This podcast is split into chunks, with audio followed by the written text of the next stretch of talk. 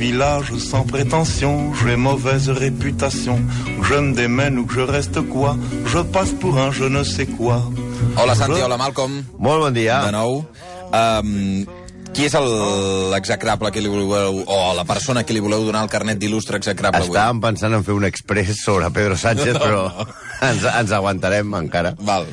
Però- No, perquè només, per, perdona, vam quedar que només era amb difunts, no? Sí, que no poguessin posar querelles. Exacte. Pel tema, pel tema legal. Vam parlar amb els serveis jurídics Està de la casa Està i ens van dir morts, només morts. Només morts. Val. Però, però igual té alguna relació, perquè és un, amb el que està passant avui, perquè és aquest, aquest, aquest fenomen de convertir la política en alguna cosa que no és, no? De, de transver, tran, o sigui, canviar la realitat. Uh -huh. Tots hem anat alguna vegada a França, i si no, hem tingut l'experiència de parlar amb algun francès, que aquests són tan estupendos. Reconeixem-ho, són insufribles. Tot el que no sigui francès és una merda per ells, el seu aire de superioritat és irritant, parlem del xovinisme. Doncs bé, avui li donarem el carnet d'execrable al gran culpable d'aquesta pandèmia. Un home immensament pagat d'ell mateix, insufrible, trampós, dictador, desagraït, vantatgista i un tipus capaç d'explicar en base a la grandeur com una derrota vergonyosa pot acabar sent considerada una gran victòria. Que és el que passarà aquesta tarda. Afineu-vos el bigoti, que avui parlem de Charles de Gaulle. Que ja han passat pel sedàs uh, Churchill i Eisenhower, vull dir que, que ja tocava un francès. Ja Vull dir, tocava, Ho dic, ho dic per, pels francesos que ens puguin estar escoltant i que els hi sàpiga greu. Bé, o- que ja, o- o no. O no, o potser no els hi sap greu, que sàpiguen que hi ha d'altres presidents d'altres països i ja hi han passat, eh? Sí, sí, sí. Però el que passa és que De Gaulle és el Max Factor de la política. El Max Factor. Sí, sí, és que és un maquillador que va aconseguir convèncer el món de que França havia guanyat la Segona Guerra Mundial. Cosa que per culpa de Casablanca Que és la que estem escoltant ara. Sí. és la... encara molts, Aquella escena de Casablanca. Sí. eh? Mm. encara molts es creuen quan en realitat el que van fer els fills de Napoleó va ser sortir corrents com conills, així que van veure els tancs alemanys creuar la frontera. A Indurain li va costar més arribar a París que a Hitler. Sí. De Gaulle era un militar que a la Primera Guerra Mundial va lluitar, va ser ferit en dues batalles. Va anar a dues batalles, pum, pum, ferit les dues, i el van fer presoner. Veient, i aleshores el tio va pensar, diu, això d'estar al front és molt perillós, i va decidir especialitzar-se amb la guerra de despatx, amb, amb el que deien aleshores la guerra moderna. En aquella època eren els tancs. Vols dir-la que no, te, no se t'acosti no. un tret. Sisplau. tractats. Era un, com una mena de tertulià que ho sabia tot de la guerra, no? Ja, dir, ja. Ell, ell aleshores va començar a escriure tractats de com els carros de combat canviarien la següent guerra mundial. Eh, ell ho sabia tot, però quan va arribar el moment de posar-ho en pràctica, ai, va ser un desastre, eh? Sí, i és que els alemanys, amb el seu Blitzkrieg, en guerra El Blitzkrieg, sí. eh, fonamentada en el dinamisme de les seves divisions cuirassades, van deixar en ridícul l'estratega del bigotet. El 10 de maig de l'any 40 travessaven la frontera i el 14 de juny l'esbàstica ja flamejava a la Torre Eiffel. Menys que, que dura el Tour de França, realment. I això que, Que el, van anar ràpid, sí. I això que els francesos tenien el suposat millor estratega del món, el nostre amic De Gaulle, a la seva banda. Paco Gémez els hauria fet més servir. Oh, Home, i Paco Jefe es, es caracteritza per les seves tàctiques agressives, sí, no? sí, sí, sí. Una setmana abans que els alemanys entressin a París, que retornarem a repetir pels de l'ESO. París és aquesta ciutat gran que hi ha al costat d'Euro Disney. No, home, eh? no, els de l'ESO ja saben on és París. No, home, no. El govern francès anomena De Gaulle viceministre de Defensa. La seva deci primera decisió com a viceministre de Defensa, amb els alemanys a les portes de país, és Sí. agosarada i valenta. Impressionant. Empaqueta tot el que té i fot el camp a Londres. Perdona? Perdona? Tio, fot el camp. Perdona, quan el nomenen eh, Viceministre? viceministre de Defensa... Tres el- dies després el tio fot el camp a Fot el Londres. camp? Sí, senyor. Ah. Es presenta davant de Churchill i comença una relació amb la qual es podria fer una sèrie còmica. Oh, quina parella. Churchill i De Gaulle. Sí. Sí, que... Gordo i el Mira'ls, flac. allà estan, amunt i avall. El gordo i el flac. Dominant d'Europa. Sí, perquè Winston Churchill i De Gaulle no, no se suportaven. Royo, Susana Díaz i Pedro Sánchez, que s'assemblen del mateix bàndol perquè es traurien els ulls si els deixéssim en la mateixa habitació. No s'assemblaven en res. Eren la versió, com sentia mare, armada de eh, Stan Laurel i Oliver Hardy, no? Sí, o sigui, el gordo i el flac com una pistola a la mà. Exacte. Més o menys. competien per tot. El el 18 de juny de l'any 40, per exemple, Churchill s'adreça al seu poble per la ràdio amb el discurs de que, acabada la batalla de França, comença la batalla d'Anglaterra. Es deia The Finest Hour, va dir. Mm. Aquell mateix dia, Churchill obliga De Gaulle a adreçar-se també als francesos per la BBC. De Gaulle no ho tenia gaire clar, però al final ho fa, i el, eh, du 18 juin passa a ser Carai. una batalla guanyada. L'única cosa que va guanyar el nostre amic, que no va veure un alemany durant tota la guerra ni de lluny. Mm. Però mireu com era el tio que després d'emetre el discurs per la BBC, un discurs que s'estudia a totes les escoles franceses i que es considera com el, el, el ressorgiment de la pàtria francesa, va veure que li havia quedat bé i va dir, "Oh, mira, no, però què va passar? No s'havia gravat als estudis de la BBC. No hi havia constància d'aquell discurs. Aleshores, què va fer ell? Es va presentar cada dia a la BBC demanant un estudi per tornar a repetir el discurs per gravar-lo. Aleshores, quan el va fer només davant del tècnic mentre li gravaven, és el que ha quedat per la posteritat. I això és una falsetat, perquè realment el discurs que va adreçar a la nació Sí. no era tan vibrant com el que va gravar des 4 o 5 dies després perquè el gravessin, perquè ella tenia el sentit de la posteritat de que el recordarien ah. per aquell discurs. O sigui, s'ho va gravar després per, Sí. per quedar més, més Sí, potent, el discurs. de fet, tot el que es pot sentir no és l'original, és un que va gravar ell després. I per l'original ja no, no, no, no, ha quedat enlloc. el van fer en directe i en aquella ja època està. imagino que no... No hi havia minidisc per gravar, ni internet, ni res. Segurament va ser culpa del tècnic. Mira, mira el, el Dani ara, ara, ara fumbrà un, un castanyote. Ahí Estaven estamos. en guerra, Dani. Els enfrontaments entre els dos mandataris arriben fins al punt de que Churchill arriba a escriure que la creu més passada que haig de suportar durant la guerra és la de Lorena, símbol dels partidaris de la França lliure. I això que hi havia davant una dels altres que portaven una altra creu, la creu gamada. Mm. Sí. L'objectiu de De Gaulle, que es va passar la guerra a la mansió de, situada al número 4 de Carlton Gardens a Londres, Ah, sí? era que els aliats... Allà recone- estava tranquil·let. Allà ja estava, ja Va. prenia el te, sortia... Carlton tal. Gardens, eh? Carlton Gardens, número 4. Encara, si aneu a Londres, la podeu veure. És que reconeixessin a França com una potència més i no com un enemic. De fet, França eh, tenia un govern col·laboracionista posat pels nazis i ell volia ser tractat com un cap d'estat sense estat, no sé si us sona la figura. I només feia que les operacions aliades perquè volia estar informat de tot. O sigui, ell que no tenia exèrcit, no tenia arma i tal, però quan es reunien Eisenhower, Roosevelt, Patton, Churchill, era, ei, que jo també vull ser-hi. I aleshores ja opinava de tot, no? Va posar tant de la olla Winston Churchill que Churchill va arribar a dir-li si segueix obstaculitzant-me, el liquido. Què dius? Sí. Perdona, A la li va dir que... El... El liquidava.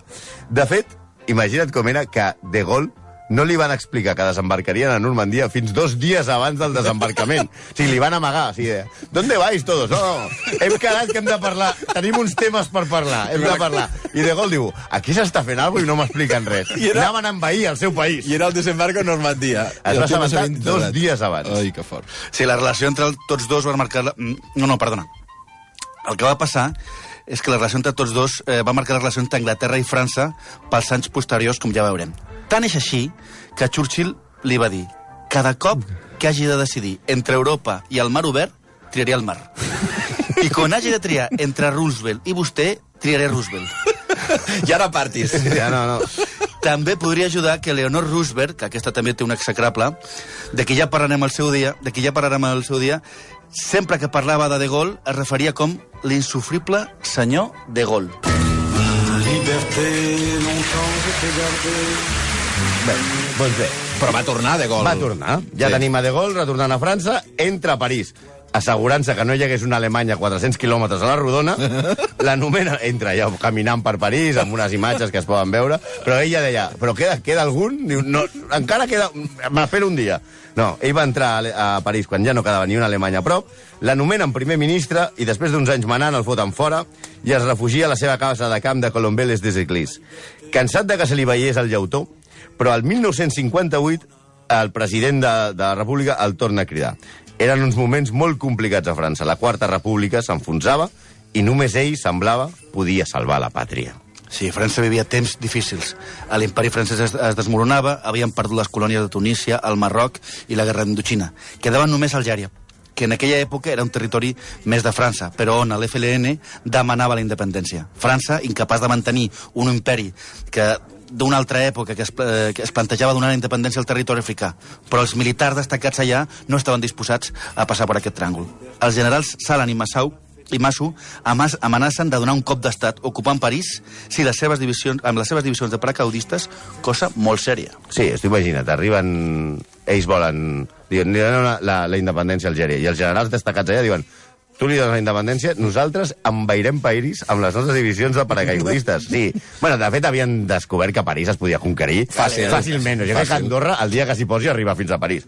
De Gaulle accepta la presidència del govern i frena el cop d'estat. Els generals se'l creuen. Suposadament, De Gaulle és un dels seus, però els hi pren el pèl de mala manera. D'entrada, De Gaulle accepta el càrrec de president després de liquidar la Quarta República i funda la Cinquena República, on ell està per sobre del Parlament. És a dir, que es converteix en una mena de dictador en ple segle XX, on a França passa a ser un règim semiparlamentari. Qualsevol llei estava eh, de, era un Franco a França, per, per entendre'ns. Totes les lleis estaven sotmeses a la seva persona. Un estil polític que anys després va inspirar a un, no sé si us en recordeu, un senyor que es deia Alfonso Armada i un altre que es deia Jaime Milán del Bosch. hosti. I vés a saber aquí més que estava per sobre d'ells, que un 23 de febrer del 81 van intentar donar un cop d'estat a Espanya. La idea que tenien era el govern de concentració presidit per un militar, que era Armada, i sempre havien parlat de l'opció de gol per a Espanya. O sigui, ja el tenien com a referent. Era el referent del cop d'estat del 23F. Que bèstia. De Gaulle va Algèria l'any 58 i assegura als unionistes que seran sempre francesos, amb un altre discurs ja molt famós, que és Je vous ai compris. Sis mesos després es reuneix en secret a París amb l'FLN i monta dos referèndums, la seva especialitat, per donar la independència a Algèria. Ja la tenim liada. Òbviament, els seus amics, camarades militars, que els havia promès que Algèria seria sempre a França, la cosa no els hi sembla massa bé. Bé, no és com ho de Pedro Sánchez i Susana Díaz.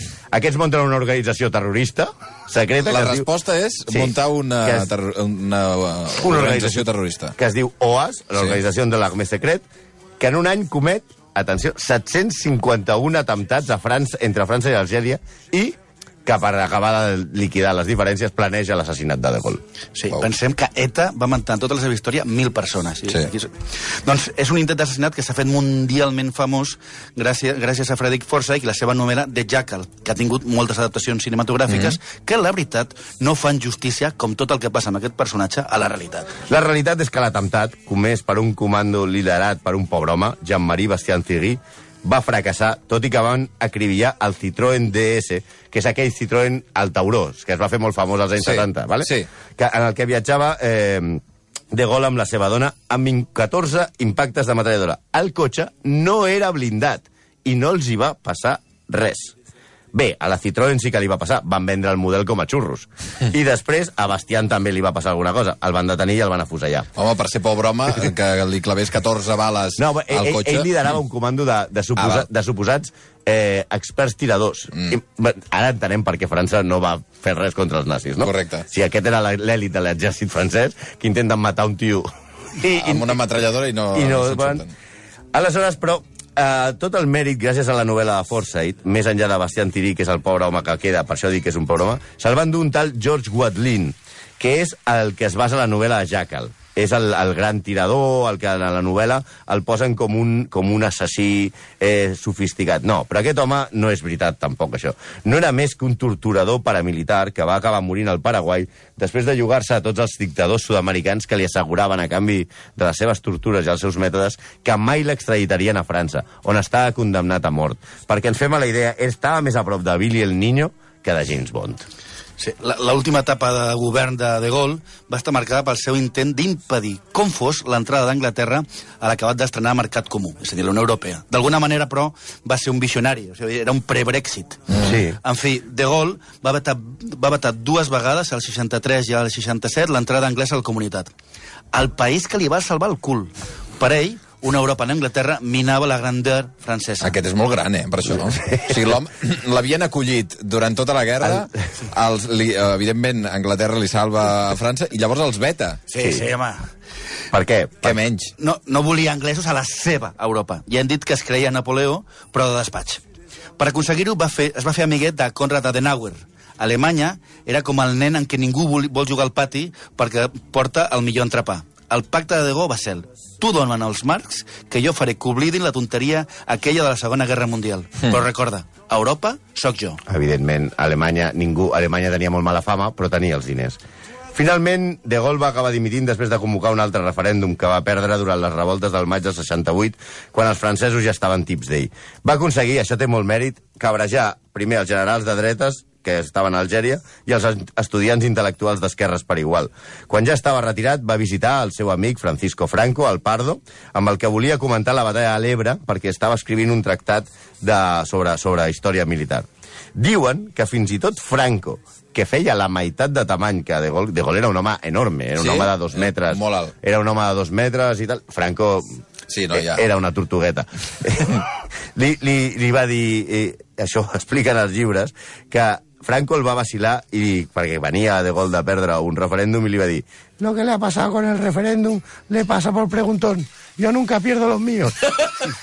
Hosti. Això, de gol, mesos després, li va enviar una carta en la que reconeixia a Francisco Fas Franco... bastant bé, eh, de Franco.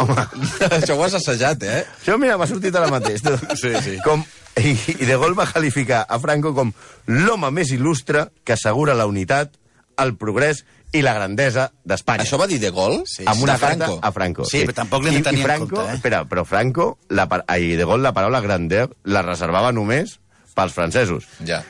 Sí. Això està escrit per Franco, però igual estaria pensant que igual es referia a Felipe González. No, però tampoc hem de tenir en compte això perquè eh, una vegada va dir que en el món l'únic rival que tinc és Tintín. Ja sabeu, aquell que va amb bombachos, amb un gosset, amb un tupé pel món. I era belga. Sí. Això va dir, eh? De Gaulle va dir l'únic rival que tinc és, en aquests moments és Tintín. Um, per la gent que no s'acabi de creure uh, part de la trajectòria que heu explicat de Charles de Gaulle, li recomaneu alguna bibliografia, una mica Mira, hi ha, un llibre? hi ha un, un, un article de diverses pàgines un que va treure, que surt amb un recull d'articles de García Márquez, que explica amb el títol eh, deixa molt clar eh, què, és, què és de gol. El cuento de los generales que se creyeron su propio cuento, de García Márquez. Després hi ha una biografia de Dan Cook, molt bona, i la última que ha sortit és una que es diu The General, de Jonathan Fenwick, que és en la que explica tot el tema de la seva relació amb Winston Churchill. Bé, i aquesta referència que heu fet al Xacal de, Sí, que és la de novel·la Frederic Forsyth. que no se la creguin, però és molt Tenint, entretinguda. tenint en compte que posa un francotirador professional i normalment era Pepe Gotera i Otilio disparant. Uh, Malcom Otero, uh, Santi Jiménez, moltes gràcies. A vosaltres. Ara tornem. Tout le monde viendra me voir pendu, sauf les aveugles, bien entendu.